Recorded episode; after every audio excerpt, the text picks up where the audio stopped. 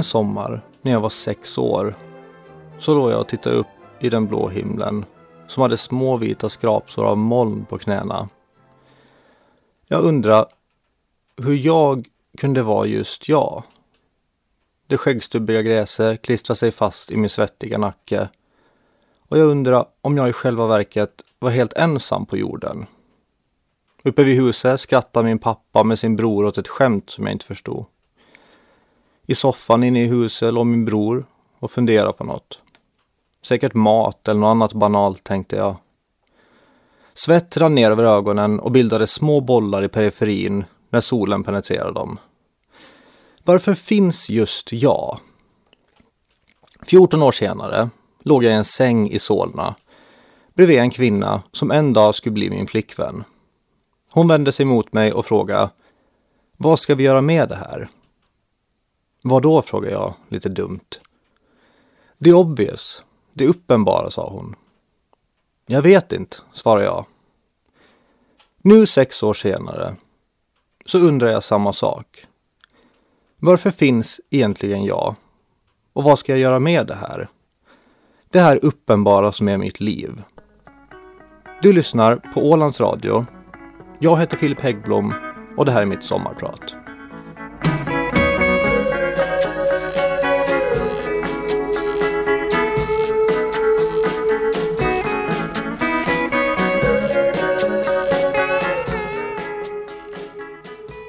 Där hörde vi Gimme Shelter med The Rolling Stones. Det är den första juli 2020 när jag spelar in det här och jag är döende. Döende, precis som alla andra.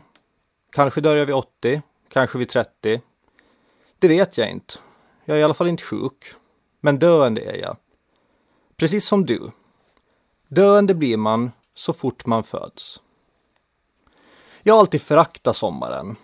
Kristina Lugn skrev att det är ett sorgarbete att leva. Och jag tror att det är mest arbete på just sommaren. Jag vill ägna den här stunden åt att berätta vad sommar är för mig. Trots att jag föraktar sommaren så vill jag beskriva den. Jag har genom livet lyssnat på ungefär 50 sommarprat och det är få av dem som jag minns. Jag har inget större intresse av att lyssna på tråkiga människors berättelser om deras resor, sjukdomar, livsöden, insikter och karriärer. Jag tror heller inte att du som lyssnar är speciellt intresserad av att höra om min borrelia i barndomen, min släkt eller om gången då jag åkte med familjen till London. Därför vill jag ägna denna stund åt att berätta om sommaren och vad den är, istället för att berätta om mig.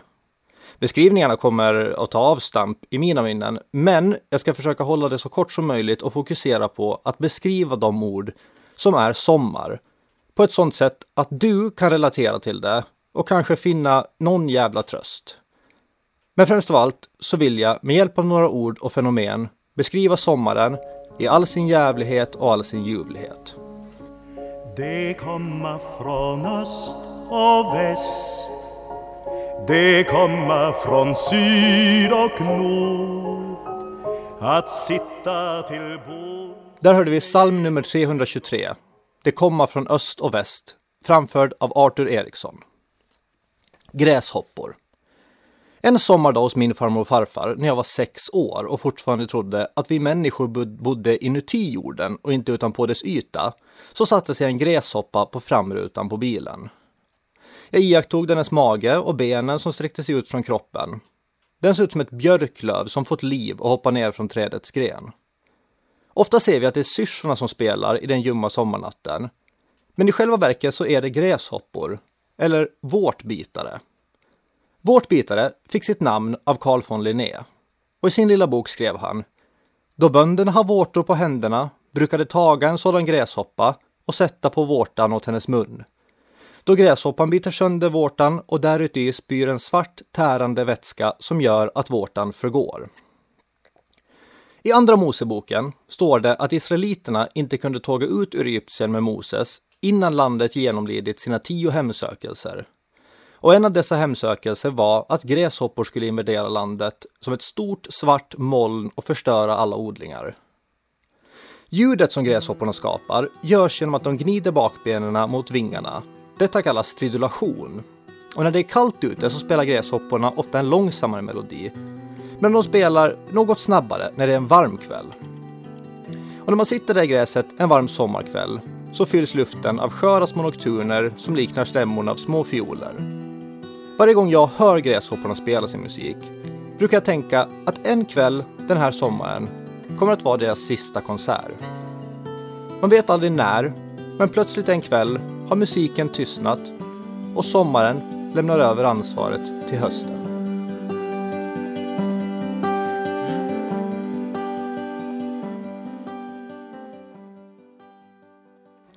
Där hörde vi Mannen i den vita hatten med Kent. Avslutning.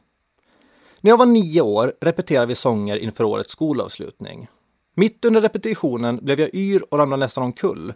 Min lärare i engelska tog med mig ut i den friska luften och gav mig ett glas vatten. Han frågade enkelt hur det var med mig.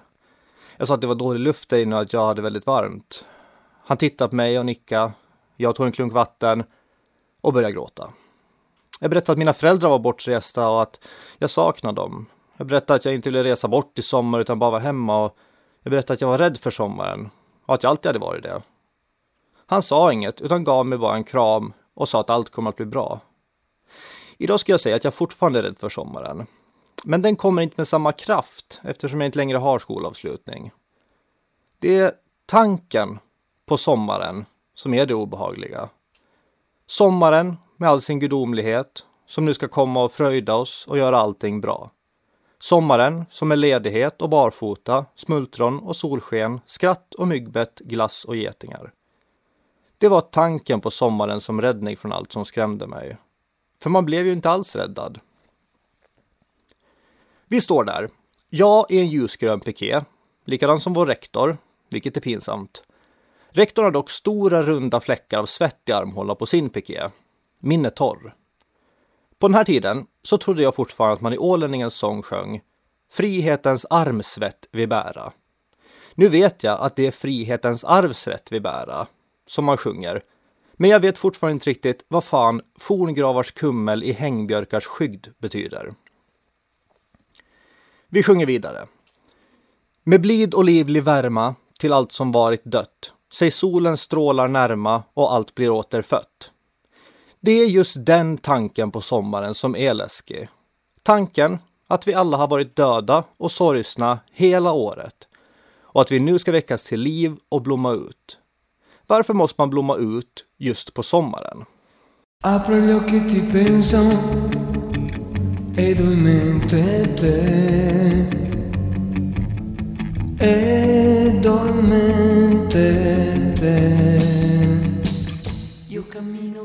där hörde vi Lo in mentete med Equip och Tanto Quattro. Fotboll. En fotboll är en klotformad skapelse som ofta är gjord i någon form av läderimitation. Det finns flera olika sorters fotbollar.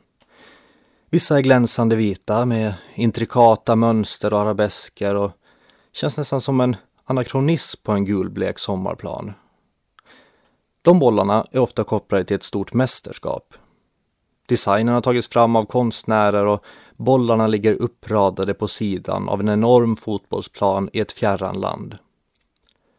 De fotbollar som man oftast är i kontakt med under sommaren har mer livserfarenhet och är blott en påminnelse av sina fornstora dagar. Mönstret består av flera små svullna oktagoner med sömmar mellan varandra. Lederimitationen som klär bollen har fläkts upp som gammal målfärg på en trästuga.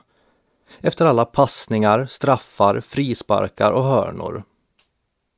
Luften, som till en början hölls inom bollen, läcker nu ut i små korta andetag. Därför måste man fylla på luften oftare än vad man gjorde i bollens begynnelse. Det finns också en mjukhet i bollen som gör att dess resa som påbörjas efter sparken är svårare att förutspå. Den bestämmer själv helt enkelt. Bollen kan tyckas ful, men den har karaktär. Den har levt och den har upplevt. Straffsparkar mellan far och dotter, uppgörelse mellan grannbarn, regniga väggsparkar mot garageport, jonglerande till 16, sen 32, sen 55, sen 87 och så vidare. Det är en boll som har börjat bestämma själv vart den flyger och som bit för bit ömsar av sitt vita skinn. En dag, kanske inte alls långt från nu, så kommer den att glömmas på en fotbollsplan, sparkas upp på ett tak eller låsas in i ett förråd för att aldrig mer sparkas på. Den kommer att ligga där och leva på sina minnen av en nyklippt gräsmatta en het sommardag.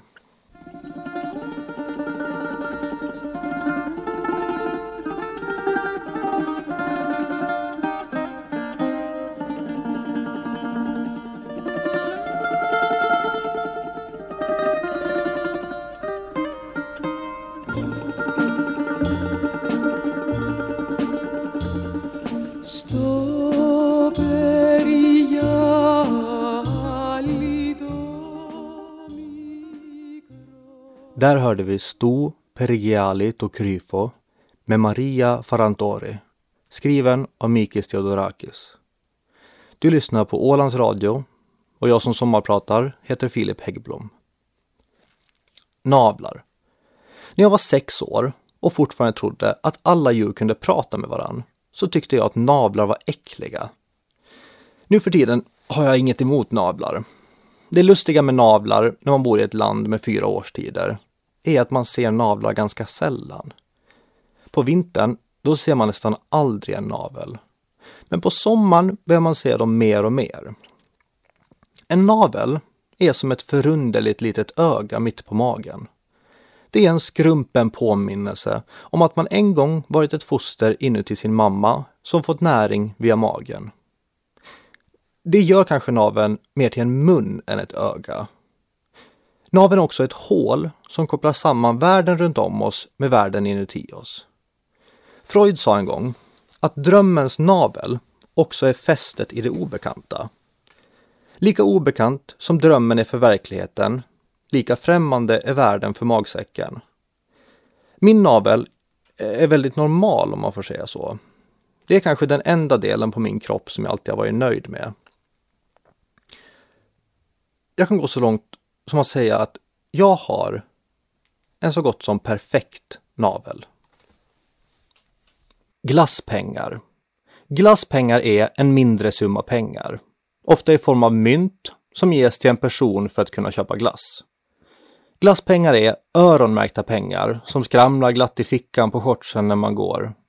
Pengarna är en gåva och det finns en viss frestelse att köpa något helt annat än glass. Men det bör man undvika. På vägen till glasskiosken så försöker man lista ut vilken glass man ska beställa. Men när man kommer fram så blir man paralyserad av alla val som finns. Den mäktiga listan med solblekta bilder som sträcker sig över glasrutan som en karta över glassföretagens idérikedom. Glasskiosken är som en makalös sommarblomma som har slagit ut vid trottoaren. Och i fickan ligger handen och håller om glasspengarna som för att försäkra sig om att köpet är möjligt. Vanilj är gott, men tråkigt. Gammeldags vanilj, en stor vit boll med små sotiga prickar. Varför är den egentligen gammeldags? Chokladnougat är gott. Bananchoklad, den är ny för i år. Lakritsglass. Den är perfekt. Mönstret av en vit tiger. Först kommer smaken av vanlig vanilj men så fort tungan luckrar upp fickorna fyllda med svart sörja kommer den bekanta smaken av lakrits. Den söta och på samma gång salta smaken som påminner om havsvatten, bark och honung.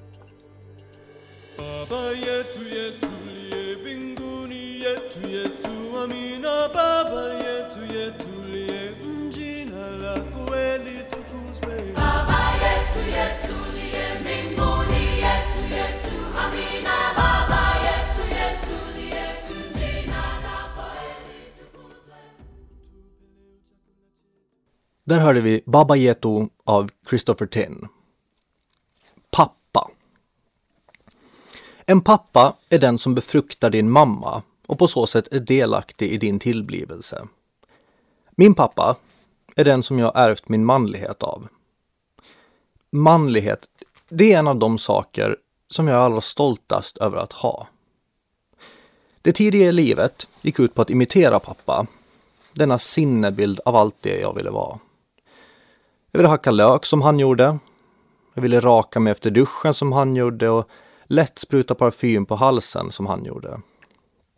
Jag ville knäppa knapparna på en skjorta så metodiskt som han gjorde. Jag ville sträcka huvudet över nackstödet i bilen för att se vart man backade, så som han gjorde. Jag ville stå upp i köket med plånboken i handen och slänga i mig en sista mun kallt kaffe som han gjorde innan han åkte. Jag ville vika tidningen dubbel och läsa den som han gjorde.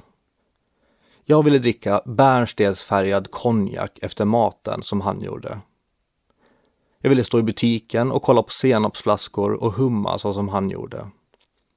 Jag ville sträcka upp ett finger över ratten i en hälsning i trafiken när man möter någon man känner, så som han gjorde. Jag ville ha en vit krispig skjorta med en namnbricka i guld, som han hade. Allt han gjorde ville jag göra. Och jag tror idag att jag är ett ekande rop av hans person. En pappa har ett sånt lugn och ett så sparsamt känsloyttrande att de små subtila handlingarna kan få en kraft som bryter genom alla lager. När man som 21-åring har varit på en plats där ingen bör vara, när man har stiftat bekantskap med döden och vill inget hellre än att försvinna, när man har gråtit sig torr och kroppen skälver inför rädslan att leva vidare. Då sätter man sig vid sin dator i pojkrummet och lyssnar på musik för att finna något svar på den svåraste av frågor. Varför lever jag? Då kommer pappa ner till ens rum. Han sätter sig på sängkanten och frågar Vad är det här för band? Då vet man att han finns där. Inte som huvudroll, utan som en ständigt vakande sufflör. Teaterns viktigaste jobb. Och man vet att han bryr sig och älskar en mer än någonting annat.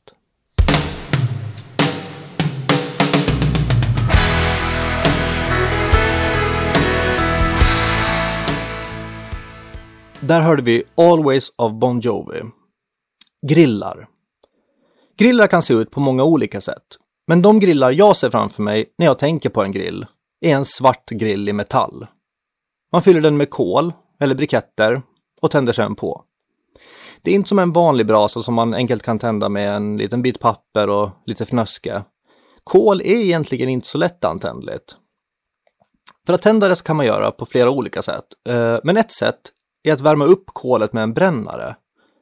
Då riktar man en intensiv liten låga mot kolen och sakta börjar den svarta färgen övergå till en svag orange nyans. Efter ett tag börjar kolet lysa klarare och klarare. Det ser ut som en liten sol i ett kosmos av svarta stenar.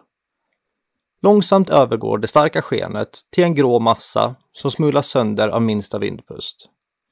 Men innan kolet slocknar och dör så smittar det av sig sin värme till nästa bit i grillen och sakta påbörjar samma process mot att förvandlas till en lysande sol. Till sist är alla kolbitar orangea eldklot omgivna av en grå porös massa som vittrar sönder i vinden. Det är då man vill lägga på köttet.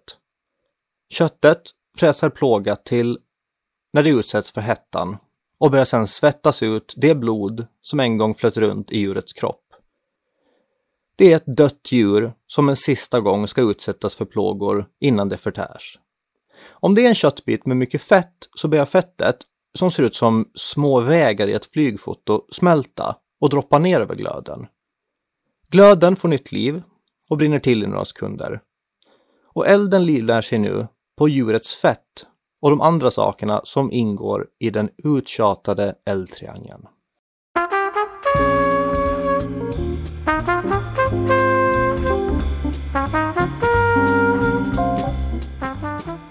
Där hörde vi Autumn Leaves av Chet Baker.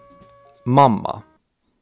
En mamma är den vars kropp man växte i och sen förlöstes från. Mamman är ens första kontakt med en övervakande värld och den första mentorn i en symbolisk och imaginär värld. Innan man ofrivilligt skriver kontraktet att ingå i den ordnade världen är mamma hela ens värld. Det är därför som det gör så ofattbart ont när man inser att mamman är mer än ens mamma. Hon har ett arbete, vänner och en partner som i många fall är ens pappa. Mamman är den första stora kärleken och hon bör vara den sista stöttande stenen. När man inte älskas av någon och heller inte blir hörd eller berör någon annan så ska mamman finnas där. Den havande mamman som är havande in i döden. Mammans tilltro och kärlek är gränslös och det är det som gör henne till en mamma. Alla upptäckter, krig, förälskelser, revolutioner, rörelser och eldar börjar med en mamma. Och när livet går mot sitt bistra slut har det en förmåga att också sluta med mamman. När George Floyd låg på mage mot en hård asfalt under polisens knä kände han att döden närmade sig och han skrek efter sin mamma. När jag för sista gången träffade min gammelmormor, timmar innan hon dog, så kallade hon stilla på sin mamma. Mamma. Två enkla stavelser. Över och underläppen trycks mot varann medan luften pressas framåt i munnen. Mm. Sen bryts munnen upp och ljuder den enklaste av bokstäver. A. Processen upprepas en gång. Pressa läpparna, öppna munnen, pressa läpparna, öppna munnen. Mamma. Världens enklaste ord för att beskriva världens vackraste gåta.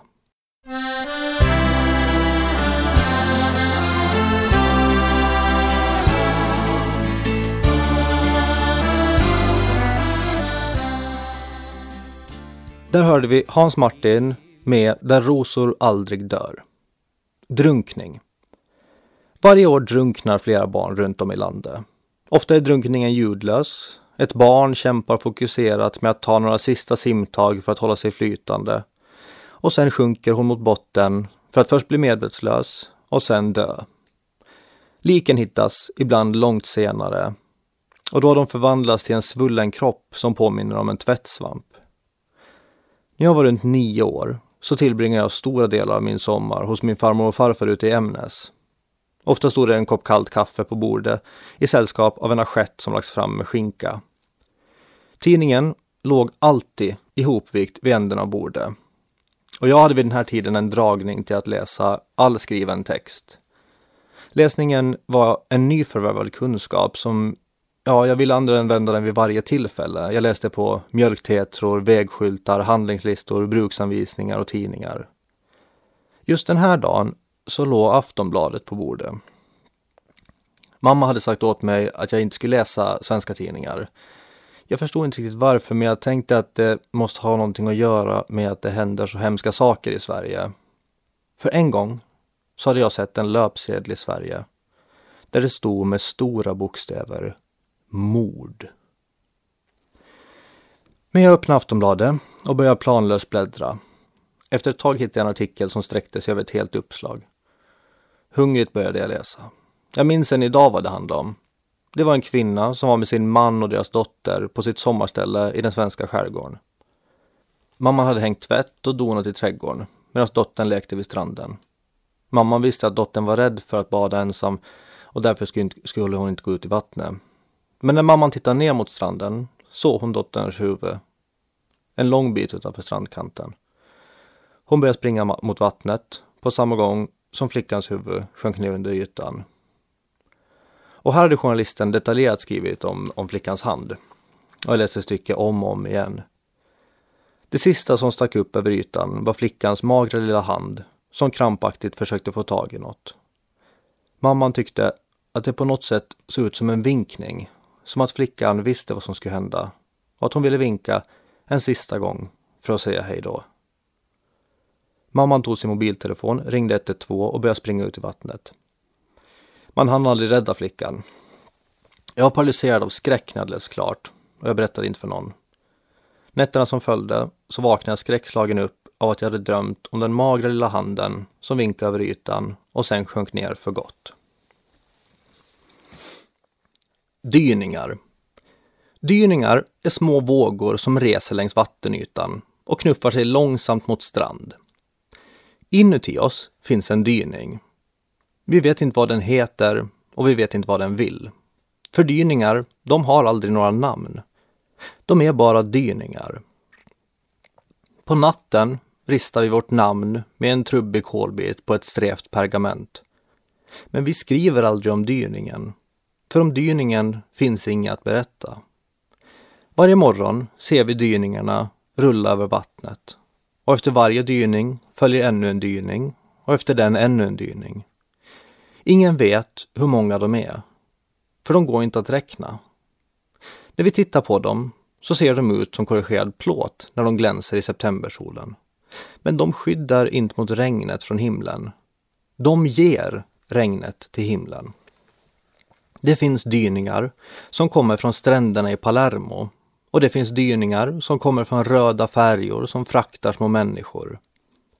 Det finns dyningar som skapas av kaksmulor i mjölkglas, av ungdomstårar i handfat, av spottloskor i regnpölar. Dyningar ser ut som en slarvigt bäddad säng. Men i dyningar sover bara pirater, drunknade sommarbarn och andlösa självmördare. Inuti oss finns en dyning som aldrig har varit en våg. Inuti oss finns en dyning som vi fick av vår mor. Ens hjärta slår och gör dyningar i blodet. En skälvande kropp som stilla krusar silvrig yta. Salta tårar som gör strandhugg vid en solstrand. Glödgade maskar som sköljer rimfrostigt berg. Andlösa lockar i en gråmulen gryning. En viskning som springer över vattnet på lätta fötter. Ett hingstsprång över en glittrande mångata. En sjöhävning i sommarens tjocka sötma som smickrar havet. Hjärtats dyningar är pluskvamperfekter av ett skummande havs vågor som ekar mot strand. Hjärtats dyningar ska slå mot strand i ett helt liv. En dag ska dyningarna upphöra. Då går solen ner och du lägger dig ner i ett evigt stiltje. Kyssar. En kyss är en symbolisk, taktil och pervers handling som vi har kommit på för att ordlöst kunna visa ömhet. En kyss kan vara vänskaplig, familjär, kärleksfull eller sexuell. I det svenska språket skiljer vi på puss och kyss. Puss är det man får från en förälder och det man oftast sysslar med i lågstadie. Den första kyssen är ofta inget mer än en puss. Den kan ta plats i toppen av en blå klätterställning byggd i trä, som på taket har en röd skorsten och ett roder för att likna ett skepp. Det kan vara så att du står där på det imaginära skeppsdäcket med en söt tjej. Inte den sötaste, för det finns ännu ingen sån. Du rangordnar ännu inte personer efter utseende och intelligens. Du vet bara att det finns en ful tjej och en väldigt snäll tjej. Annars är alla tjejer likadana. Hon tittar på dig och säger att ni ska pussas. Du kan rörelsen, du vet innebörden och symboliken ni trycker era läppar mot varann. Hennes är mjukare än dina, men ligger spända och rynkiga som två rep runt munnen. Med överläppen känner du ett tunt lager av torkat snor under hennes näsa. Hennes ansikte luktar socker och blöta galoner. Smaken påminner om de djupröda järntabletterna du tar varje morgon. Ni släpper varann och ler.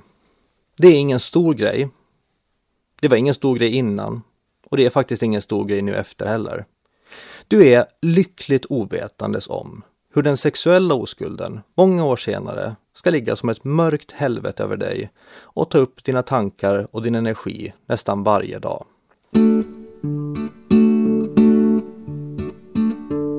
Här sitter jag på en soptipp och skådar med dystert kring Bland trasor och tombuteljer och många andra ting där hörde vi Ballad på en soptipp av Cornelis Vreeswijk. Du lyssnar på Ålands Radio och jag som sommarpratar idag heter Filip Häggblom. Förälskelse. Förälskelse är en form av kärlek. Det är en kärlek som skiljer sig från den du känner till dina föräldrar och dina syskon. Den här kärleken är sexuell, nyckfull, smärtsam och vidunderlig. Det är den kärlek du känner till din trolovade i mitt fall min flickvän. Den kärleken är självklar men också absurd. Den kärleken är en kombination av nostalgi och förväntan. Den är också den spärr som stoppar dig från att vilken dag som helst ta livet av dig. Där ondskan, godheten och viljan till makt falnar, där finns kärleken. Kärleken är en antimateria som bara existerar på de platser där ingen annan vilja existerar. Kärleken är viljan att ge något som du inte har till någon som heller inte vill ha det, enbart för att du älskar henne. Den doftar hud och smakar hem. Den är varmrökta cigaretter, den är fotsteg i hallen, den är famntag i aftonsols rodnad, pengar på fickan, hudavlagringar på armarna, hårstrån i duschen, värmeljus, klibbiga tårar, äggskal och minnen. Men kanske främst av allt så är den det självklara, the obvious. Det självklara i att någon tittar på telefonen under filmkvällen. Det självklara i att någon ligger i soffan där man själv vill ligga.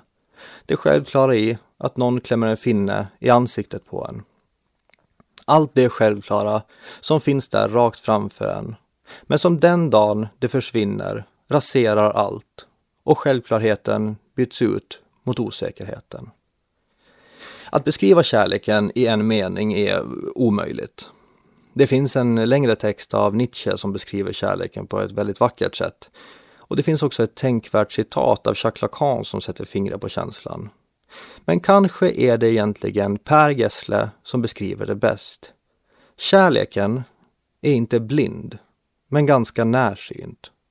Hon snavar och faller och bär sig ganska klumpigt åt.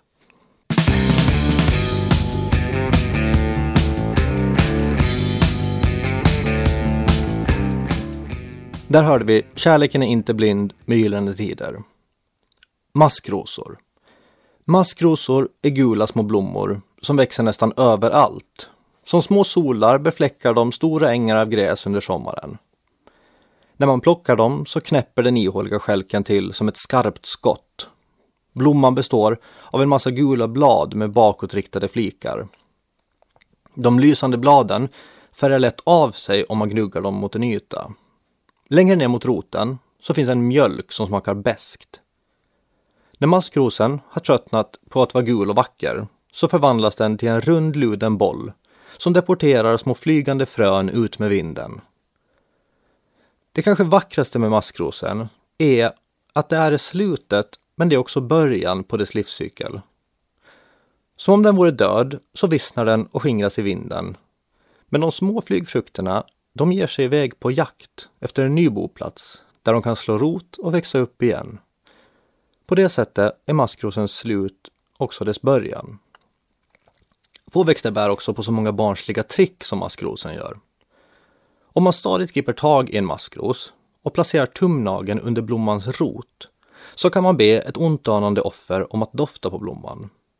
När hon böjer sig fram för att dofta så pressar man upp tumnageln mot blommans undersida och skälken ger vika. Blomman flyger då genom luften och träffar det ontanande offret i ansiktet. En annan form av underhållning som maskrosen kan bidra till är under den tiden som den har förvandlats till en rund och luden boll. Då kan man blåsa på blomman och de små fallskärmsliknande flygfrukterna börjar sväva runt i luften. Vin Vin är en alkoholhaltig dryck som tillverkas av vindruvor. Den kan vara djupröd, ljusgul som urin efter ett rekommenderat vätskeintag eller rosa som bubbelgum. När man dricker det så känns det som att vätskan fäster små öglor runt fjällen på tungan och böjer dem bakåt. Upp mot gommen studsar smaker av frukt och blom. Det är ingen angenäm upplevelse första gången, men man vänjer sig. Efter några glas letar sig de undre och övre ögonlocken mot varann. Ansiktet får en duk av blött linne över sig. Varandet blir ömt och behagligt. Ett lågt halmtak byggs över sinnet. Inget regn kommer in och ingen kan ställa sig upp. Man gläds över sina sinnen, tacksam över att ha dem, en sorts nyförälskelse till sina sinnen. All bra musik låter bättre. En sällskap är vackrare än vad de tidigare var och sommaren doftar ljuvligare än vad den annars doftar. Spritens bett i tungan känns behagligt och den lugnande handen på din axel känns varm. Men i skuggan av denna sinnliga orgasm vilar ångesten. Den står där och betraktar dig och kommer närmare ju mer du dricker. Och innan du vet ord av det så är den där och sliter i dig. Du blir våldsam, svartsjuk, otrevlig, orkeslös, panikslagen och mörk. Det är vinet som ryter till. Hon visar dig att Satan alltid jobbar hårdast och att man aldrig kan stiga snett när man tar en dans med djävulen.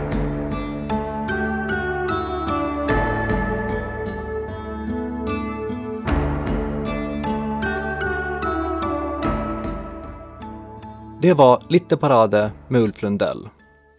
Slut. Nu sitter jag här, 20 år efter att jag låg på gräsmattan och funderade. Och jag undrar ibland samma sak. Varför finns jag? Varför finns just du som lyssnar? Vi finns här av en ren och skär slump. Miljontals små händelser som ledde till att vi blev födda. Vi kommer att vandra runt på jorden för ett mikroskopiskt ögonblick av jordens historia. Förvirrade av livets absurditet. Ett liv som varar för en sekund och helt och hållet saknar mening eller betydelse. Det kan hända att du febrilt söker mening i livet, men du kommer att bli besviken. Livet är ett långt lidande. Ett plågsamt och bistert lidande som inte leder fram till någonting alls. Du och jag kommer att plågas en lång tid för att sen dö och glömmas bort för alltid utan att ha påverkat något eller lämnat något spår i världens historia. När väl döden kommer är den ingenting för oss. I döden finns inget att uppleva eftersom upplevaren inte längre finns. När vi existerar finns inte döden och när döden existerar finns inte vi. Alla upplevelser och allt medvetande försvinner i och med döden. Och därför är döden varken smärtsam eller behaglig. Den är helt enkelt ingenting annat än ett absolut och evigt slut. Som Nabokov skrev “The rest is rust and stardust”.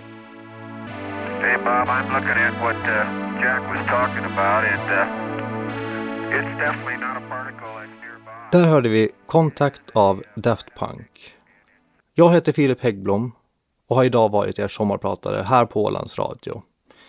Jag vill rikta ett hjärtligt tack till just dig för att du lyssnade. Tack!